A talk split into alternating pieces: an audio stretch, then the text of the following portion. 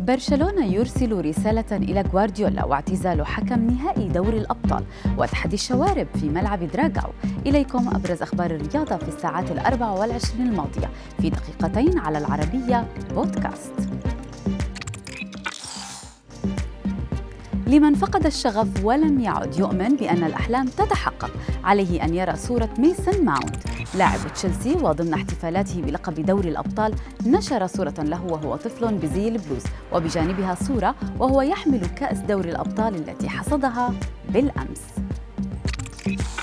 هنأ نادي برشلونة عبر حسابه في تويتر نادي تشيلسي الإنجليزي على الإنجاز كما أنه وجه رسالة إلى مدربه السابق بيب غوارديولا أشاد من خلالها بموسمه الحالي بشكل عام مع السيتي مما دعا البعض للتساؤل هل يعود غوارديولا إلى النادي الكتالوني؟ رصدت عدسات الكاميرات الحكم الإسباني ماتيو لاهوز بعد المباراة وهو يبكي بسبب تأثره بعد إدارته لأحد أهم المباريات في مسيرته التحكيمية.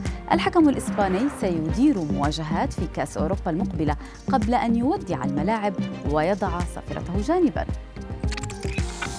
قبل نهاء الحدث تراهن زميل صحفي برازيلي مع لاعب تشيلسي الإيطالي جورجينيو إذا فاز تشيلسي سيقوم كل واحد منهما بحلاقة شارب الآخر. الأمر الذي تحقق بالفعل وأمام عدسات الكاميرات كما نرى. جورجينيو ظهر بعدها في كافة الصور حليق الشارب والذقن فيما ظهر الصحفي بدون شاربه